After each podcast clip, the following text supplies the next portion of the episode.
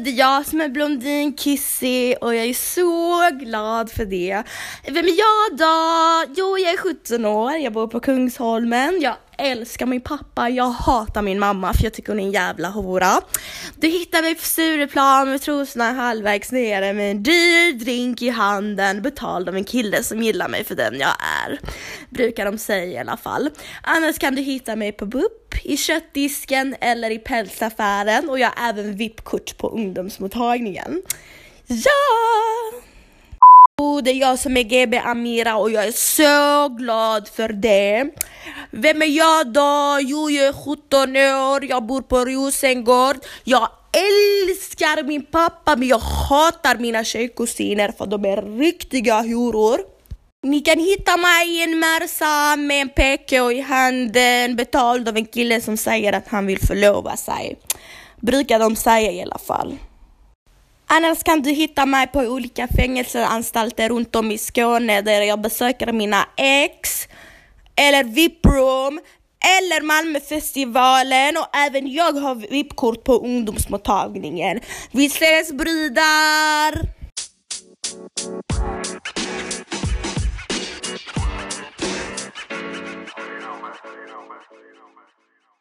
Hej mina älsklingar och välkomna till ett nytt avsnitt. Om jag inte bevisat att jag är psykiskt sjuk tills nu så har jag gjort det nu, eller hur? Um, nej men jag, jag kommer att tänka på när, eh, alltså om ni som har lyssnat på några avsnitt vet att det har hänt några gånger där jag har gjort lite konstiga intron till, um, till podden så tänkte jag att jag får göra någonting lite roligt nu. Uh, I alla fall, hur mår ni? Jag mår bra, jag är sjuk igen. Det känns som att jag bara spelar in podden när jag är sjuk, men på ett sätt är det, det är ju då man har tid. Jag är hemma från jobbet, jag har någon form av hepatit C i halsen. Jag skojar, jag vet inte vad jag har i halsen. Något creepy är det. Um, så man kanske hör det på mig. Det känns som jag har typ staplat tre äpplen i min hals. Fattar ni vad jag menar? Så blir det liksom så tjockt och, ah, jag vet inte.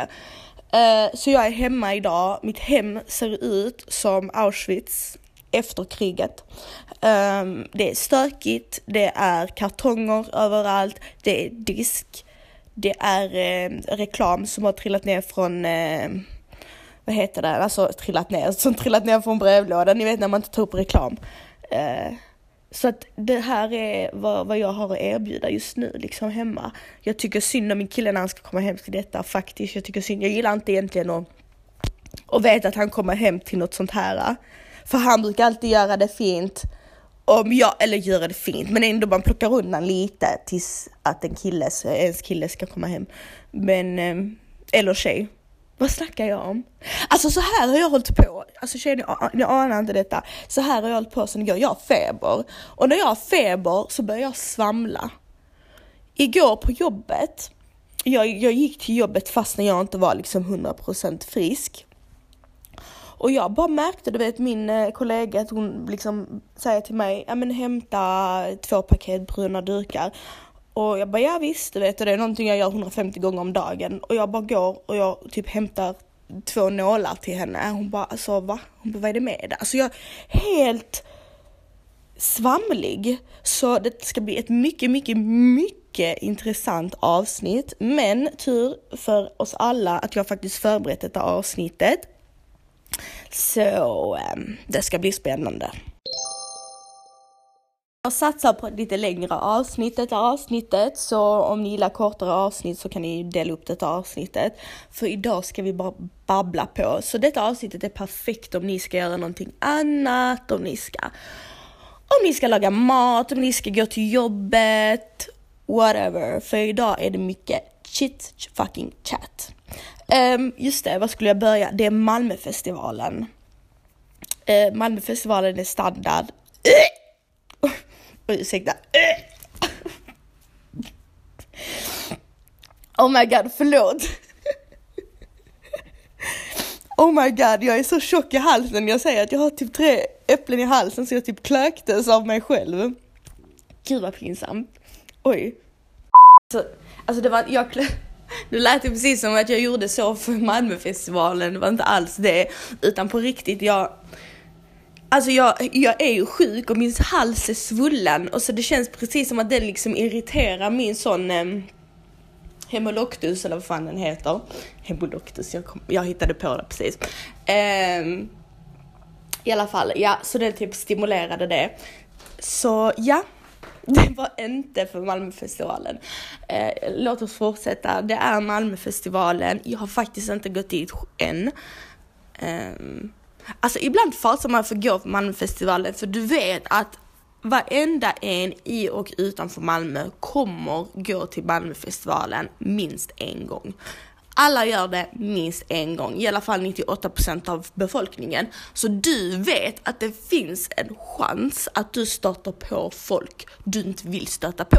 Det vill säga typ ett ex eller en bitch du har bråkat med som du inte pallar se. Alltså ni fattar vad jag menar, nu tar jag bara exempel.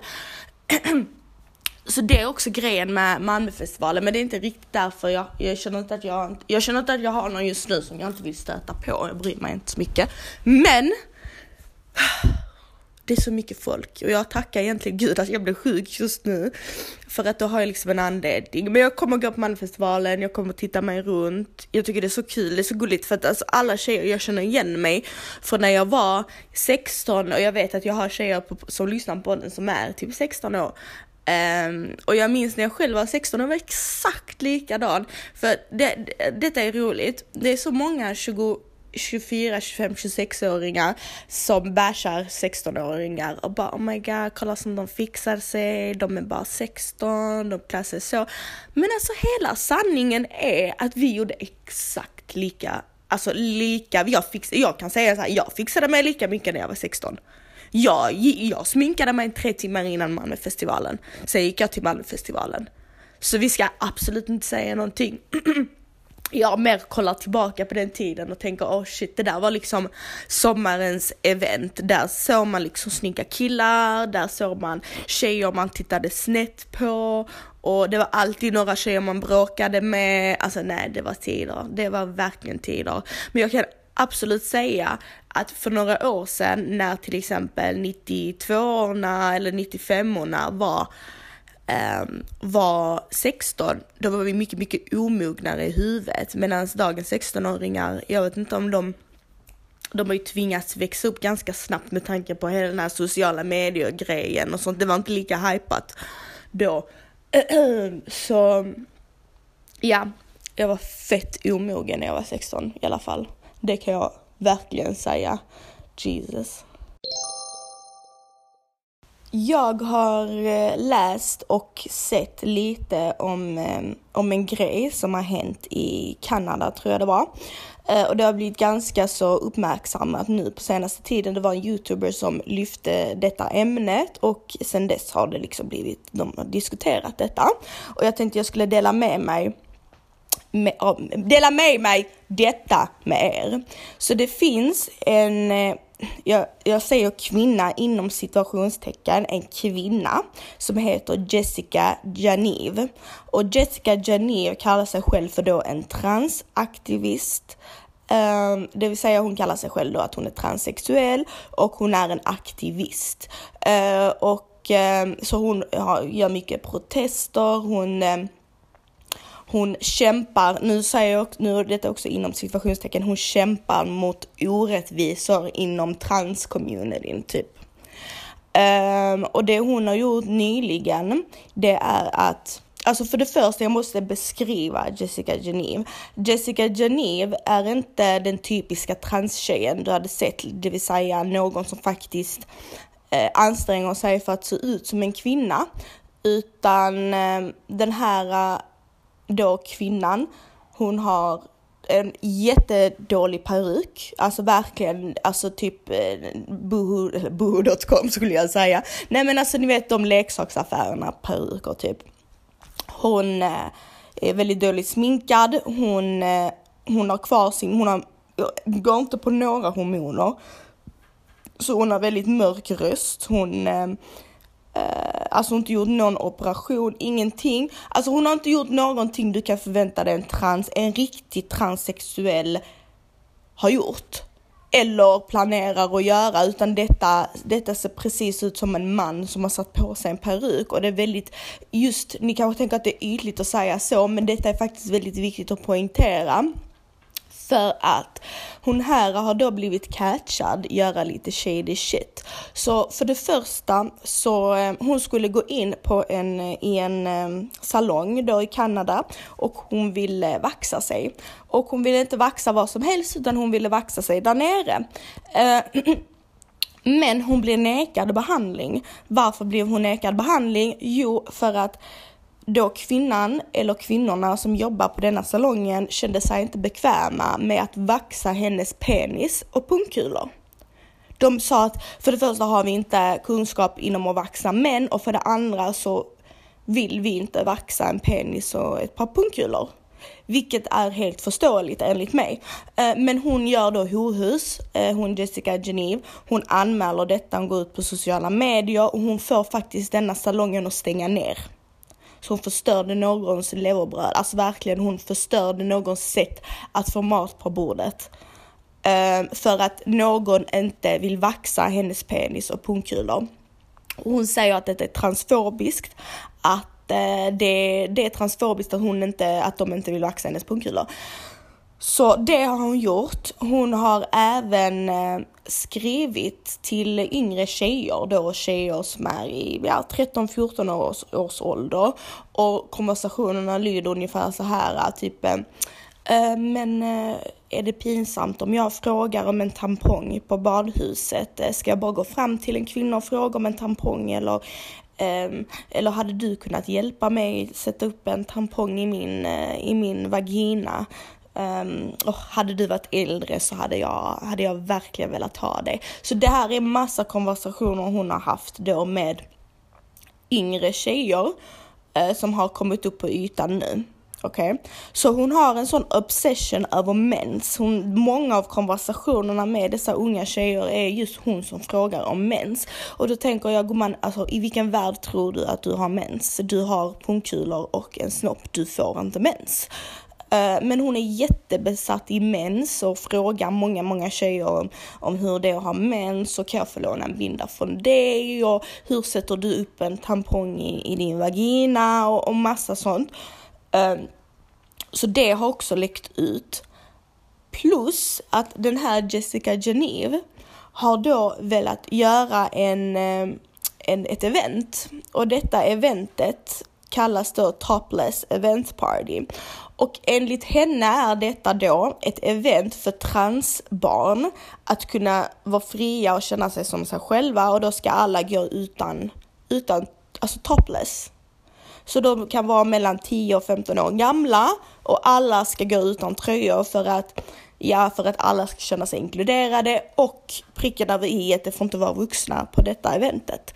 Eh, så ni hör själva hur detta låter.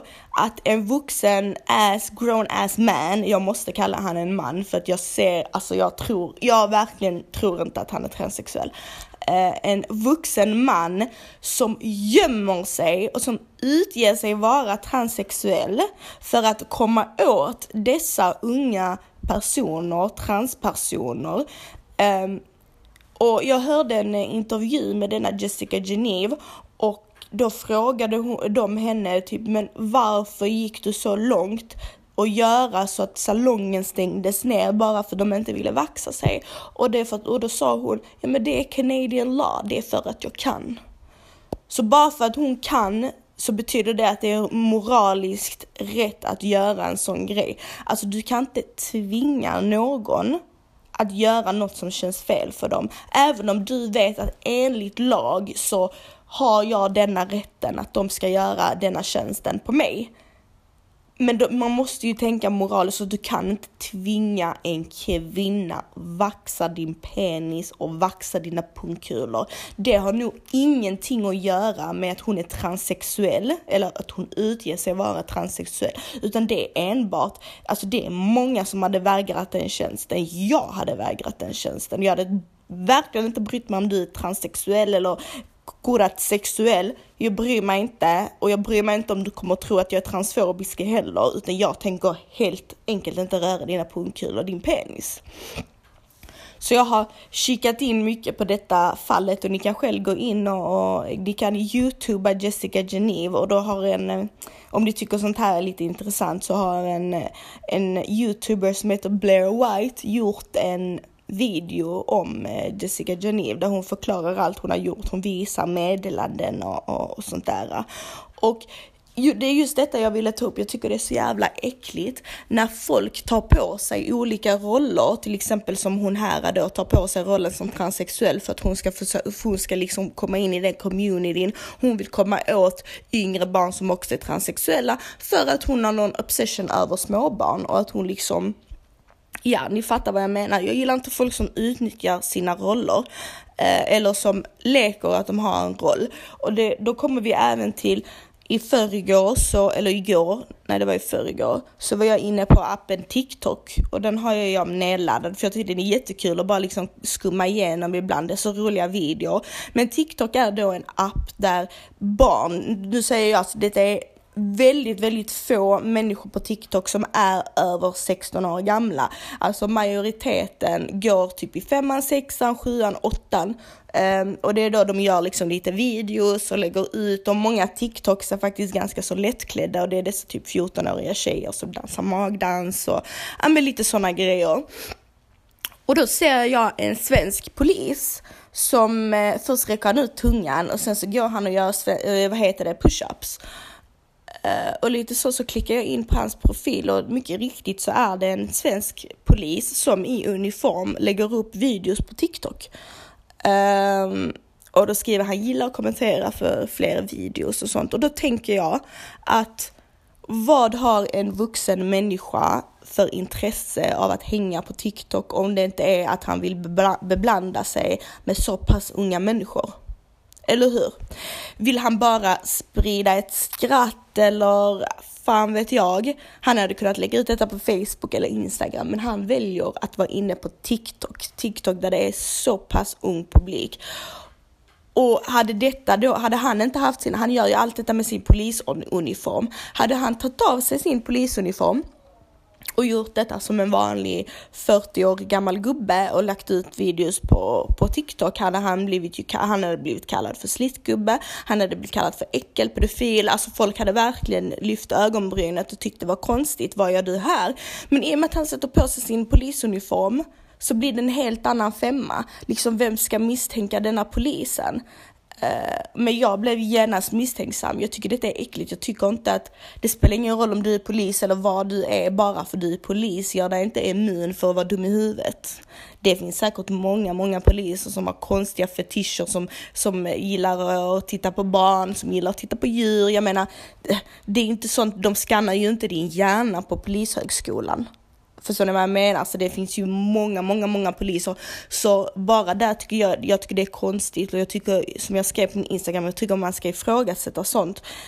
Um, även om det är en människa. För det är just dessa människor som har antagit sig antingen en yrkesroll eller en annan roll som gör till politiker eller ja, vad fan som helst, som gör dem egentligen skyddade mot misstankar. Det är sådana människor man ska vara uppmärksam på, för det är oftast de människorna som, som faktiskt sexuellt utnyttjar folk. Eh, ni har ju säkert hört det är många präster som har eh, sexuellt utnyttjat folk, eh, domare, advokater, eh, kriminalvårdare runt om i världen som jobbar på fängelser. Eh, alltså ni fattar att man utnyttjar sin roll för att skydda sig själv och jag tycker bara det är riktigt äckligt för jag kan inte någonstans i mitt huvud förstå var, vad han gör på TikTok. Och varför han sitter och gör push-ups, han gör armhävningar, han liksom... Nej, jag vet inte. Jag bara tyckte det var riktigt, riktigt konstigt och jag, jag tycker man ska ifrågasätta mer sånt. Man måste skydda dessa små för att alltså det blir alldeles, alltså det är bara yngre och yngre och yngre människor som, som aktiverar sig i sociala medier. Och jag tycker faktiskt att även vi som inte har barn, att vi ska ändå också vara uppmärksamma och liksom ser vi något sånt, liksom bara anmäl det, uppmärksamma det, få bort dessa äckel från internet. För att det är egentligen vårt vuxnas jobb att skydda barnen. För jag menar, vi säger nu en 12-årig flicka som tycker han är jättecool och jättesnygg, en polis. Eh, och han polisen börjar skriva till henne ja men inte fan kommer hon tänka oh my god så creepy, oh my god vilken, vilken pedofil. Det kommer hon inte tänka för det är en polis. Um, jag menar, säger han du kan vara trygg, jag kommer inte säga något till någon. Jag, alltså du vet, verkligen för, försöker ge henne någon trygghet, då kommer hon tro på det för det är en polis. Så jag tycker, jag tycker det är allas jobb att uppmärksamma sånt och få bort dessa jävla fucking... Man kommer aldrig kunna få bort kräken från internet men det har blivit så himla mycket nu, så många pred predators um, som, som blir mer orädda och orädda 2019. Så jag bara tycker det är skitäckligt, riktigt vidrigt.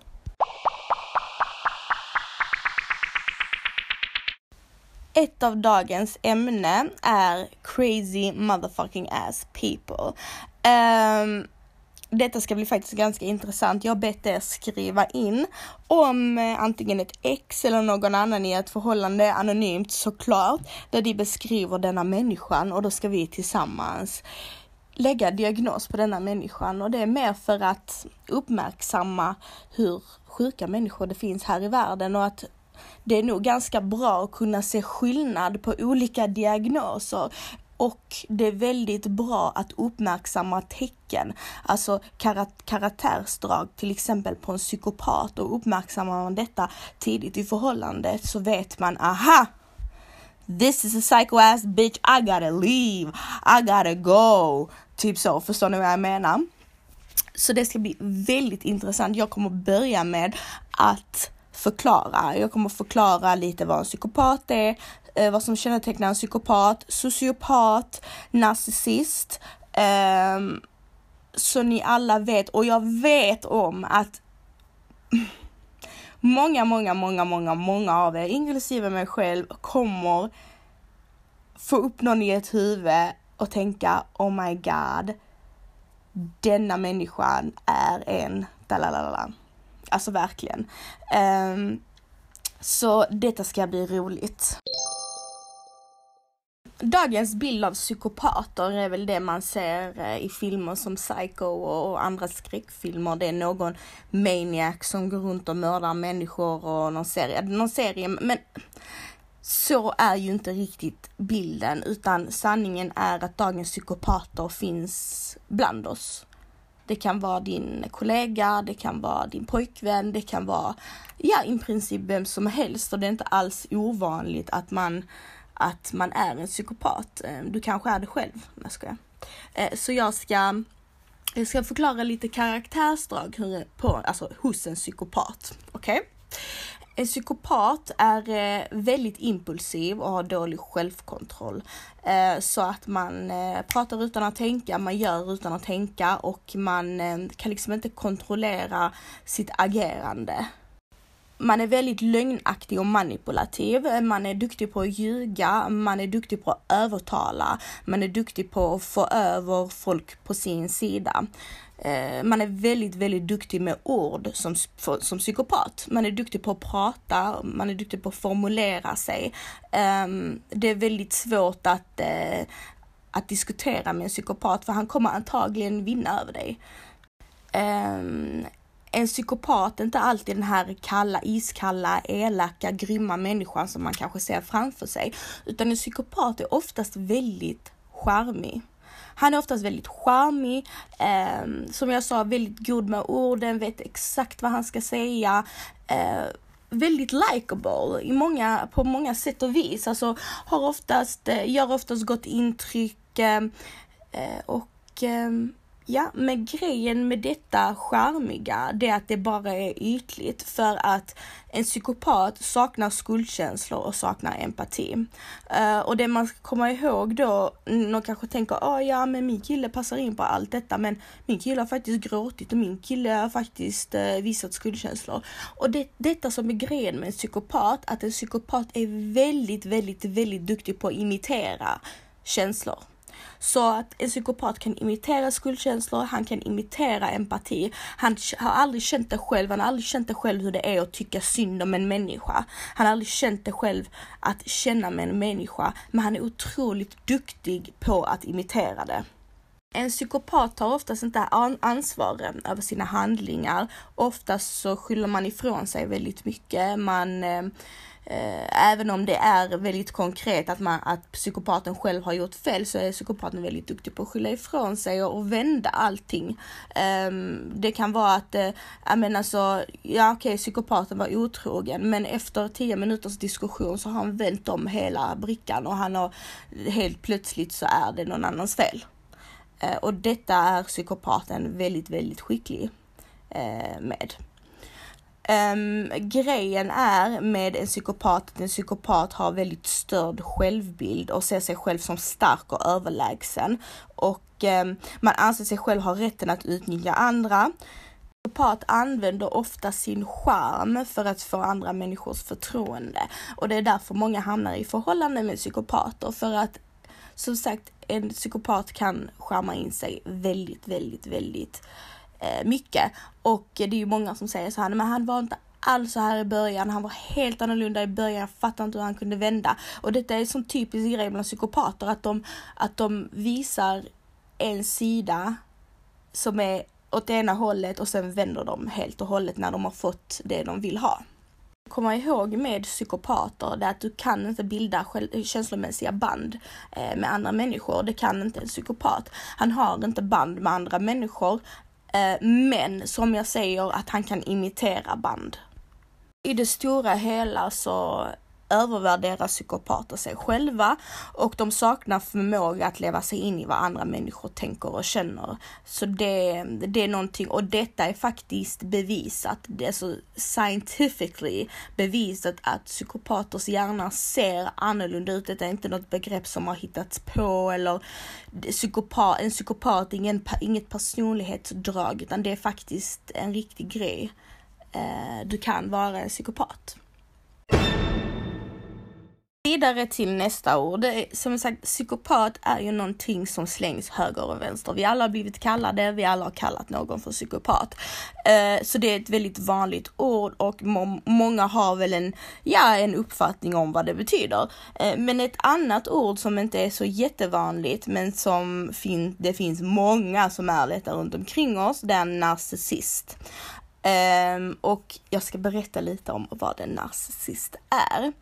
Så alltså narcissistordet, det började i grekiska mytologin som handlade om en, en människa som förälskade sig i sin egna spegelbild. Och det är därför det ordet kom upp, narcissist. Um, och eh, det uppfattar sig själva ofta som storartade och framgångsrika. Ehm, um, de narcissister har en väldigt, väldigt upphöjd självbild. Um, då gör det svårt för dem att ta emot kritik. De kan inte ta emot kritik, de vägrar och se när de själva har fel. Ehm, um, oftast så lägger de mycket, mycket tid på att övertala andra att de inte har fel. Och um, nej men det är något av det största, det största personlighetsdragen en narcissist har. Um, Ehm, en ganska vanlig grej bland narcissister är att de, ehm, de i mellantid eller emellanåt kan må, må väldigt dåligt. De kan bli deprimerade eller ja, vad som helst. Och det är oftast för att de hela tiden känner att de måste bli bekräftade av andra. Eh, vilket gör i sin tur att en narcissist lever mycket i ensamhet i sitt huvud. Um, och eh, lite kännetecken här på narcissister det är att de sätter sina känslor framför andras behov. Det är me, myself and I. Känner jag detta så är det detta som gäller. Jag bryr mig egentligen inte om vad du känner eller vad du behöver för det är I need this. Um, en narcissist, alltså förlåt det är typ Nino som spyr här framför mig. Um, en narcissist antar att alla avgudar hen eller honom. Um, han antar att uh, han är någonting här på denna jorden som folk ska se upp till. Um, det vill oftast gärna sänka, eh, stärka sina egna egon genom att sänka andra. Uh, det är oftast också en vanlig grej hos narcissister, det, att de använder, det är det de använder för att stärka sitt ego. Um, de um, de är väldigt, eh, alltså de förolämpar mycket sin partner inom förhållanden. De eh, alltså vill gärna sätta ner sin partners ego just för att själva kunna känna sig att de är den överlägsna. Ehm, um, Äv, eh, lik, liksom psykopater så ger, oft, ger oftast narcissister ett bra intryck um, och sen så förändras det då till det sämre. Till sist kan du nästan se, alltså det, det, tar inte lång tid innan du märker att en narcissist är en narcissist för att han kommer alltid prata, han kommer bara prata om sig själv. Han kommer bara prata om sig själv, han kommer liksom berätta om sitt liv, berätta om sina intressen, är det något som har hänt, har ni bråkat så kommer han berätta om sina känslor, han kommer inte liksom, han visar inte något större intresse eh, över dig. Han visar inget större intresse än vad du har gjort idag. Han kommer inte fråga dig hur har din dag varit. Det enda han kommer undra vad du gör, det är när han ska, eh, när han ska, när han vill kontrollera dig, när han ska veta var du är någonstans eller ja, vem du är med. Men det är inte för att han på riktigt är intresserad om vad du gör, utan han vill ju mest ha kontroll. Eh, så det är också vanligt bland narcissist att han är väldigt, väldigt, väldigt självupptagen. Ehm, konversationerna blir väldigt ensidiga med en narcissist. Det är liksom, du märker att när du själv pratar om dig själv så är det inte liksom samma entusiasm och intresse. Men om du skulle börja prata om narcissism, eller narcissisten och eh, liksom ge han komplimanger eller berätta liksom så, då kommer du se hur denna människan förändras och liksom verkligen lyssnar. Eh, så det är då en narcissist.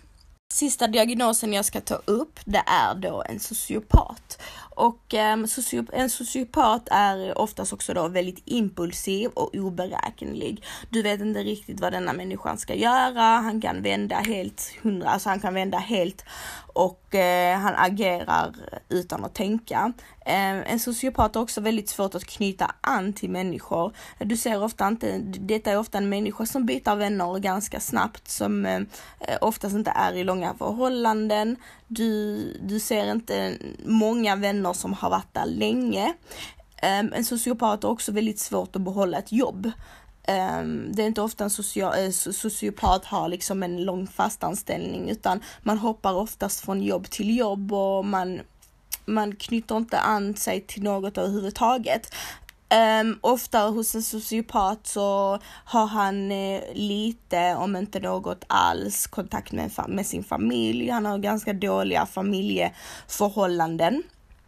Um, en sociopat blir väldigt, väldigt lätt upprörd och arg.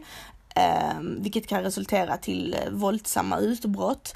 Um, man är väldigt, man har nära till aggressivitet, man har nära till ilska Um, och um, alltså sociopater kan uppfattas som all, allmänt oregelbundna eller störda. Eh, många som eh, till exempel begår brott är, eh, är oftast sociopater. Sätt så är det lättare att eh, definiera Alltså det är lättare att se skillnad på sociopater och psykopater för en sociopat är väldigt oregelbunden. Han är liksom som en tickande bomb ibland och ibland är han lugn. Liksom väldigt så, bam kan vända från när som helst, bli skitförbannad. Medan en psykopat oftast, han kan bli jättearg visst men oftast håller liksom samma nivå. Um, och um, som jag sa innan, sociopaternas relationer är oftast väldigt begränsade. Eh, de kan knyta an till en viss individ eller grupp, men oftast så tar man inte hänsyn till regler överhuvudtaget. En sociopat, alltså remember this, en sociopat hatar regler och lagar. Om ni vet någon människa som, alltså vad som än händer, hur denna människan än vid och vänder så kan denna människan inte följa lagen denna människan liksom den bara åker ut ur fängelse, in och ut ur fängelset hela tiden eller vad som helst. Då kan detta vara en psykopat, för en psykopat, eller förlåt, sociopat, för en sociopat gillar inte regler. Mm, en annan skillnad på sociopater och psykopater det är att alltså socio sociopaterna ofta lever på samhällets gränser. De är alltid på gränsen, antingen är den kriminella eller gränsen till kriminalitet. Um, och de har väldigt, väldigt svårt att stanna på samma ställe. De liksom, de, de vänder kappan efter vinden och hoppar runt från ställe till ställe hela tiden. Om det så är förhållanden, och som jag sa jobb, eh, mål i livet. Eh, ni kanske vet en människa som passar in i denna beskrivningen och denna människan har hela tiden nya mål. Alltså han säger, vaknar en dag, oh jag ska göra detta, jag ska bli detta och så andra dagen så ska han bli något annat och, och du vet väldigt, eh, väldigt eh, spontan, alltså man, man eh, uppfyller oftast inte sina, sina mål, utan, men man sätter ganska orealistiska mål för sig själv hela tiden. Eh, det är en sociopat.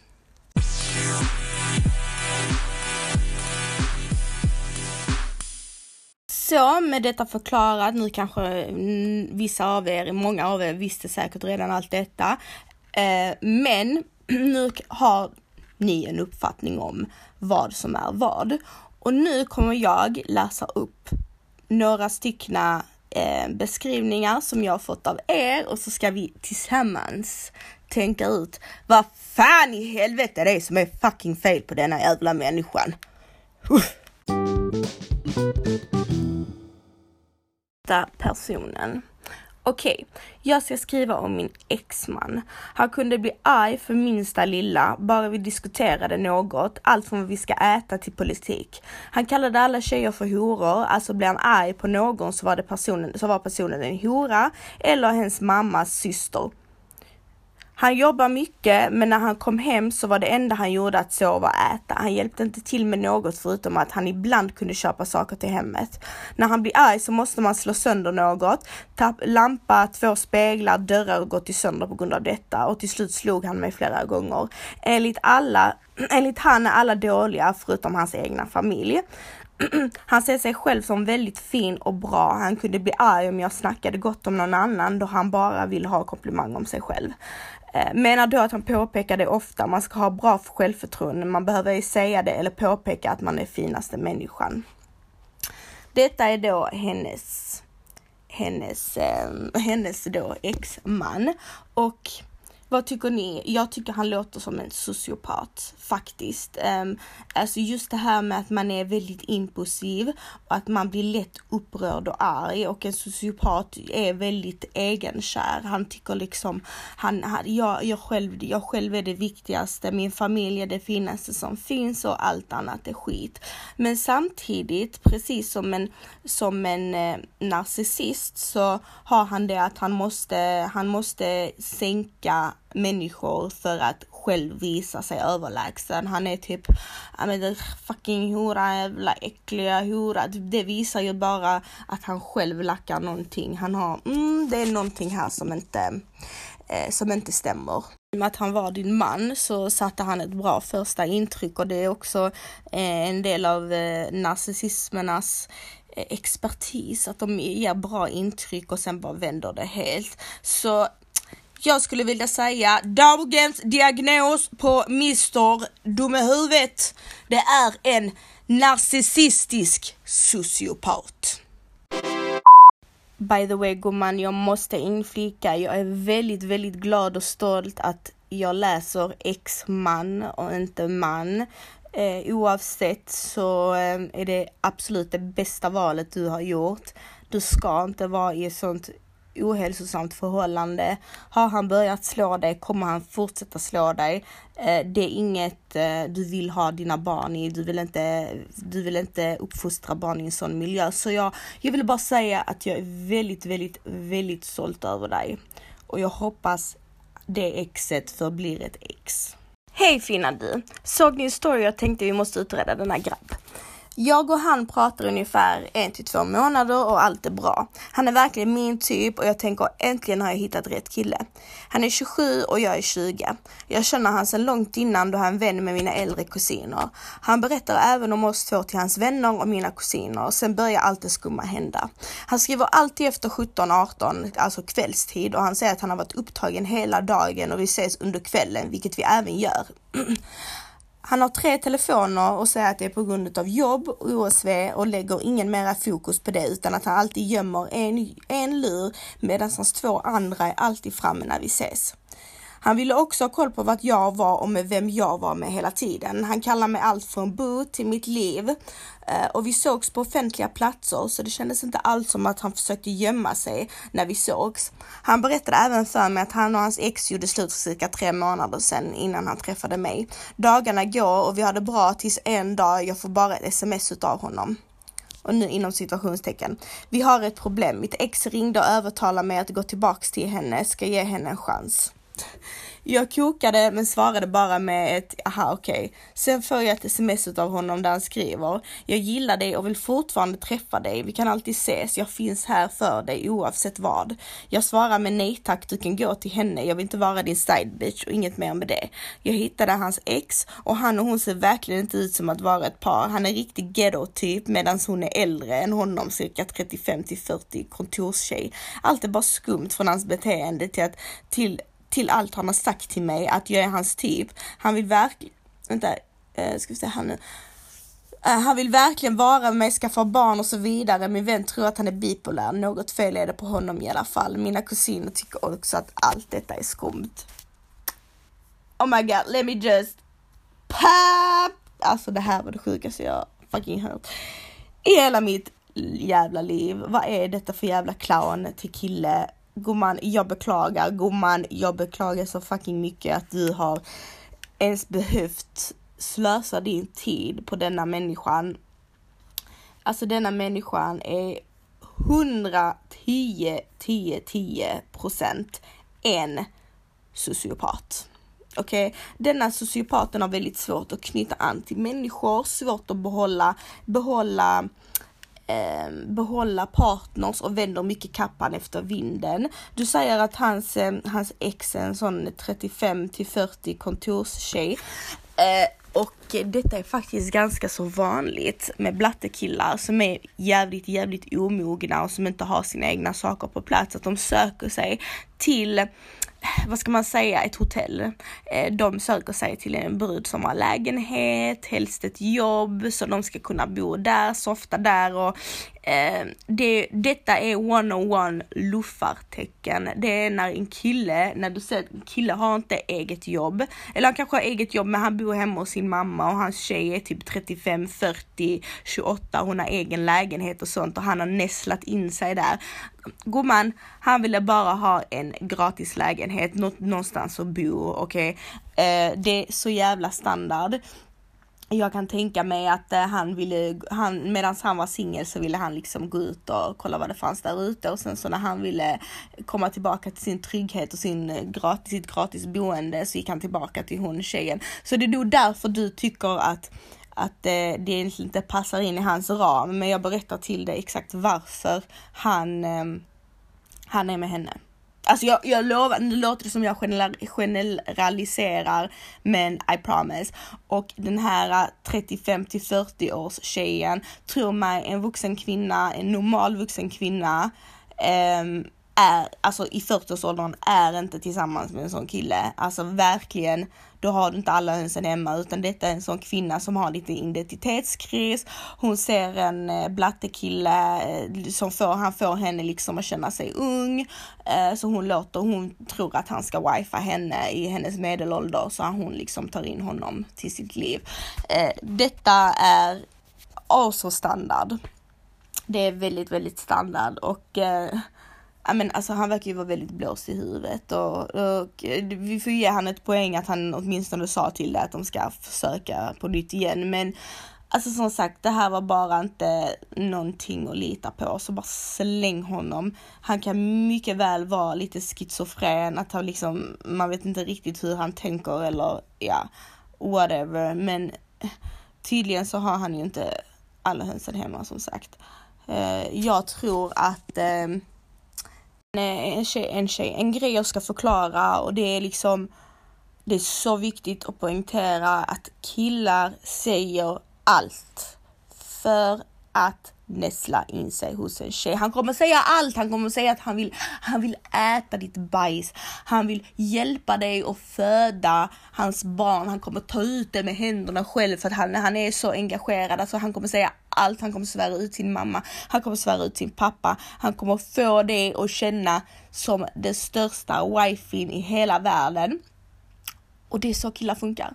Det är så killar funkar. Så man ska inte ta dem på orden. Ta inte killar på orden när de sitter och babblar sådana skitsaker. Alltså nu är det inte bara till det utan till alla andra tjejer. Känner er inte speciella. Känner er inte speciella när de säger så.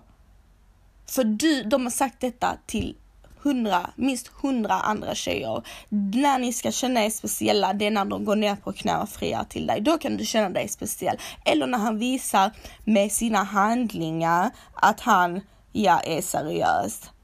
Men annars kan ni bara ta det snacket som bullshit. Varenda tjej har hört det. Du kan höra det från en kille efter att ni har träffats i en vecka och sen andra veckan går han tillbaka till sitt ex och du bara står där skitförvirrad. Men det hjälper om du redan från början är förberedd på detta bullshitet för att killar vet. Killar vet hur, hur alltså egentligen lättlurade tjejer är. Det räcker med att en kille säger jag ska ta hem dig till min mamma, du ska bli min fru. Alltså denna tjejen, puh, hon kommer flyga på fucking moln. Hon kommer skriva hans namn med en ring på sin instabio. Alltså det är liksom it's serious. Tjejen kommer ta detta väldigt, väldigt väldigt seriöst. Medan han, han bara säger så för att, för att hon ska liksom känna sig lite mer tryggare och för att hon ska öppna upp sig och liksom så. Det, det är ingenting för honom. Medan för en tjej är det väldigt, det är väldigt, väldigt, väldigt, en väldigt stor grej. Så det ska man också komma ihåg med dessa killar, att de säger allting för att näsla in sig hos en tjej. Ehm, det, du skrev också att eh, han, ni träffades på offentliga ställen och det gjorde så att du kände dig trygg med honom och det är också en grej som jag har lärt mig i mitt liv. Det är att eh, det betyder ingenting. Alltså det betyder ingenting. Jag lovar eh, med mitt förra ex som var otrogen mot mig väldigt, väldigt länge. Han var också väldigt orädd och detta är också en grej med otrogna killar. De är jätteorädda. De är väldigt orädda och oförsiktiga. Alltså tro inte bara för att han är öppen med dig, för att han visar sin telefon och sånt. Han kan ändå vara otrogen. Jag menar, jag gick på bio, vi var ute, vi var på Malmöfestivalen, vi var överallt. Överallt. Där jag liksom egentligen en annan tjej hade tänkt, ja men okej okay, en otrogen kille hade inte gjort detta. Jo, det hade han. En otrogen kille är väldigt oförsiktig. En otrogen kille gör sånt. Han gör sånt för att han fattar ju själv att om han, om han bara träffar dig hemma i din källare så kommer han liksom, du kommer ju misstänka honom direkt. Um, och det är också en grej med otrogna killar. Varför, då kan man fråga sig, varför är de så oförsiktiga? Varför är de så oförsiktiga? Varför är de inte mer försiktiga och rädda för att de ska bli knasade? Jo, för att de egentligen inte bryr sig. En otrogen kille bryr sig egentligen inte. Hans värld kommer inte krossas för att du får reda på det. Hans värld kommer inte krossas för att eh, hans side bitch får reda på det. Utan ah, okej, okay, det kanske var det är därför hans liv står inte på spel. För jag kan säga så här, hade dessa, nu snackar jag allmänt och inte bara om dig, utan hade dessa killars liv stått på spel om denna otroheten blev, eh, alltså blev outad, då hade de varit mycket, mycket, mycket försiktigare än vad de är. Men detta är bara ett tecken, det är bara ett bevis på att otrogna killar faktiskt inte bryr sig. De bryr sig varken om sin partner, om sig själv eller om sin side bitch. För då annars så hade de inte tagit ut sina flickvänner på offentliga ställen. De hade inte gått och gjort offentliga, eh, offentliga eh, eh, bröllop, eh, offentliga förlovningar. De hade inte skrivit på, eh, lagt ut bilder med sina flickvänner på Instagram. Alltså allt sånt gör också en otrogen kille. Varför? För att Alltså, he doesn't love you. He doesn't love you. Alltså det är så tyvärr. Det, det är dåligt och jag har lärt mig the hard way. Jag har verkligen, verkligen lärt mig the hard way. Att alltså det är verkligen. Sen så finns det absolut de killarna som är försiktigare. De är försiktigare, de lägger inte ut bilder på Instagram eller någonting sånt med sina flickvänner. Men det är bara bra för att då har du ju bara ännu tydligare tecken på att han är otrogen och det är faktiskt ett väldigt, väldigt, väldigt tydligt tecken på att något inte stämmer. Okej? Okay? Om han lägger ut bilder på allt och alla, alltså på sig själv eller på gud vet vad, men han lägger aldrig ut en bild på sin flickvän och det är också lite liten ding ding ding ding ding. Vad är det som händer? Ehm, så ja, det var det. Jag vill tacka så mycket gumman för att du skrev in och eh, jag tror inte ens jag behöver ge dig detta rådet men gumman blocka det numret, spring så fort du kan från honom. Han är en luffare, alltså en luffare punkt slut. You don't need him. Låt hans 50-åriga ex ta, ha honom och betala hans hyra och vara en sugar mama till honom. För jag vet exakt hur dessa orten killar gör. Okej, okay? när de hittar sådana kvinnor. Eh, eller tjejer överhuvudtaget med lägenhet och jobb. Eh, så låt dem vara där borta. Okej, okay? hon kommer kasta ut han en dag för Åke 55. Så you go girl. Nästa gumsa är Oj, vänta lite. Nu tappar jag fan bort henne. Hallå! Här. Jag har ett ex som jag nyligen gjort slut med. Han var verkligen dödskär i mig i ett år. Han var guld. Han tog hand om mig som en prinsessa. Han noterade sådana saker som jag aldrig ens kunde veta om han verkligen, vänta, han noterade sådana saker som jag aldrig ens skulle veta om han var verkligen en drömpojkvän. Han var för bra. Och när han väl fick mig runt lillfingret, när han märkte att att jag blev dödskär så blev han en totalt annan människa. Han blev jättekaxig, han slog mig, han kontrollerade allt jag gjorde. Han kollade igenom datan på något sätt var jag befann mig och han blev en fucking psykopat, rent ut sagt. Han festade, knarkade och var otrogen. Jag visste ingenting utan såg allt på hans telefon. Det kunde ta timmar tills jag fick ett svar. Fick aldrig följa med ut. Det finns tusen saker mer som har hänt, men detta är bara en liten del. Um, ska vi se, det han har verkligen förstört mig som person och jag har ångest hela tiden. Jag känner mig obekväm och paranoid var jag än går och, och till och med på jobbet. Han har hört av sig nu och gråtit och sagt hur mycket han ångrar sig och att han inte lever utan mig och nu vet jag inte vad jag ska göra. Jag är sämst och jag är för snäll för att hantera så här. Jag har själv fått en diagnos på grund av honom. Åh gumman, jag håller med dig och faktiskt jag tror du gav han precis en diagnos själv. Han är en psykopat, okej? Okay? Du sa han är, yt, han är ytligt charmig, han, han verkligen charmade in sig hos dig. Men eh, han saknar skuldkänsla och empati, det vill säga han kan slå dig, han kan alltså förolämpa dig utan egentligen Eh, då i, i, då, i den nutiden mår dåligt av det. Och den enda gången han eh, spelar att han mår dåligt av det, det är efteråt när ni har gjort slut. För då, då imiterar han känslor och liksom vill. Och när, om han vill, och för att han, anledningen till att han vill få tillbaka det, det, det är bara en, det är bara alltså en, ett plus i kanten för hans ego. Han vill bara ja men alltså liksom kontrollera situationen så att säga. Han vill inte förlora i detta. Eh, och eh, jag förstår dig helt och hållet. Jag antar att detta är väldigt färskt och att detta har hänt precis. Och eh, vem, bara håll, alltså, hur ska jag säga? Se det som en normal grej att vilken tjej som helst hade fått ångest efter en sån kille. Jag menar det är inte bara, alltså det det är omfattande för hela en psyke när en kille håller på så. Eh, men det du måste komma, alltså komma ihåg också, det är att hela tiden eh, hela tiden upprepa för dig själv exakt detta, vad han har gjort mot dig och se till att du inte hamnar med honom igen. För att som sagt, han är en psykopat. Han, eh, han har övervärderat sig själv, han har utnyttjat dig och han nu manipulerar dig.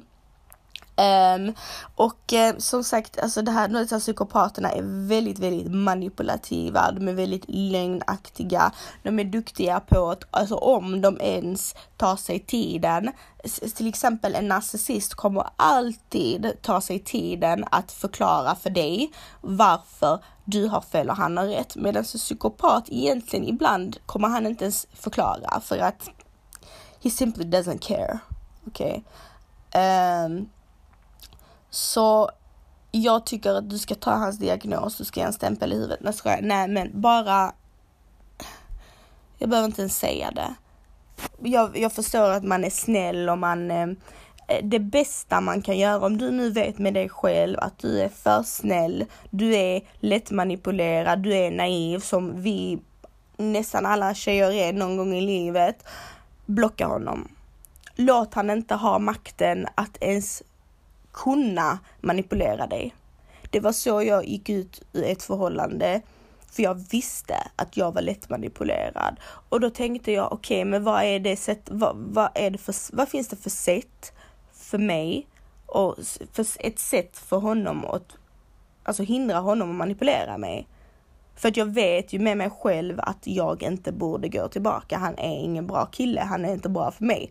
Jo men det är för att hin det hindrar honom att ta kontakt med mig. Så det du måste göra, det du måste blocka. Du måste blocka hans nummer, du måste blocka han på snapchat, du måste blocka han på instagram, du måste blocka han överallt. Och sen måste du vara lika stark när han skriver från någon annan, när han gör en falsk Facebook, för det kommer han absolut göra. Han kommer göra en falsk, mitt ex gjorde typ 15 falsk Facebookar, hallå. Alltså, du vet, de kommer försöka, men det enda jobbet du har, det är bara fortsätta blocka hela tiden. Och du kommer se med dig själv, du vet, ju fler, ju mer gånger du blockar, ju mer gånger du liksom inte svarar, för det är liksom the main rule här. Svara inte honom. Skriv inte låt mig vara. Skriv inte hejdå. Skriv ingenting. Ta bort meddelandet och blocka. Och du kommer se, för varje gång du blockar, ju lättare kommer det bli att blocka igen. Um, och till slut, till slut så kommer det gå allt fler och fler dagar innan han hör av sig igen du kommer absolut vilja ha svar på saker. Det är en spe specialitet vi tjejer är jätteduktiga på. Vi vill alltid ha svar på saker. Vi vill ha, vi vill ha ett avslut på saker. Vi vill liksom, vi kan skriva till en kille vi vet är jättedålig för oss. Han har gjort oss jätteilla, men du kommer skriva till honom för du vill ha svar. Jag vill veta varför du har gjort detta. Jag vill veta det. Man vill liksom få ut allt, men det, allt det ska du bara lägga åt sidan och bara se till att bara block his ass. För att, ja, de första veckorna, första månaderna kanske blir liksom, ja, det kanske är lite svårt. Men du kommer att se, det kommer bli enklare och enklare och enklare och till slut, du har ju blivit av med honom. Och det är det enda sättet att bli av med en kille. Det är inte att förvänta dig inte att ni ska snacka ut till ett fint avslut eller att ni ska, att han kommer sluta höra av sig om du svarar honom eller alltså nej, inget sånt. Det enda du ska göra är att blocka han. Det är mitt tips till dig, min kära. Nu tar vi en liten kortare version och eh, sist men inte minst så är det då en tjej jag känner, en väldigt nära vän till mig som skrev, skriver mitt ex. Pratar om en bipolär kille. De är roliga, de kan älska dig en timme och nästa timme kan man vara en hora. Sen trodde han hela tiden att han var jagad av polisen eller folk och han började anklaga mig för otrohet och förtal. Sen idioten istället för att låta allt vara, sluta ringa och kontakta, slippa problem så går han och snackar att jag hotar mina, med mina kusiner och att han är rädd för från dem. Men annars är han inte ens rädd för insatsstyrkan. Mycket intressant. Och detta har jag tänkt på, det här beteendet. Och jag kan med all säkerhet säga att han missbrukar. Och han missbrukar nog chack, amfetamin. För så här, exakt så här blir man på amfetamin. Man, eh, man eh, får psykos man inbillar sig själv att man är jagad av polisen. Man inbillar sig själv att man har en hotbild mot sig. Denna och denna är min fiende. Man kan vända från ingenstans. Man är jättekärleksfull ena sekunden sekunden, andra sekunden blir man jätteaggressiv och hatar denna människan. Um, ehm, så alltså kort och gott, jag vet vem denna killen är, eller vet och vet, genom det vet jag ju vem det är. Och jag tror verkligen att han missbrukar. Det är liksom, han är en tjackis. Punkt slut. Med det sagt, det var allt för detta avsnittet. Jag hoppas ni tyckte det var intressant. Ehm, som vanligt, fortsätt att skriva in era förslag eller era frågor eller ja, vad som helst vad vi kan ta upp här på skamkudden. Fortsätt visa kärlek. Jag uppskattar det väldigt jävla mycket ska ni fanta mig veta. Och ehm, ja, ni får en fortsatt trevlig kväll och fortsatt trevlig vecka så ses vi mycket, mycket snart. Love you! Mwah.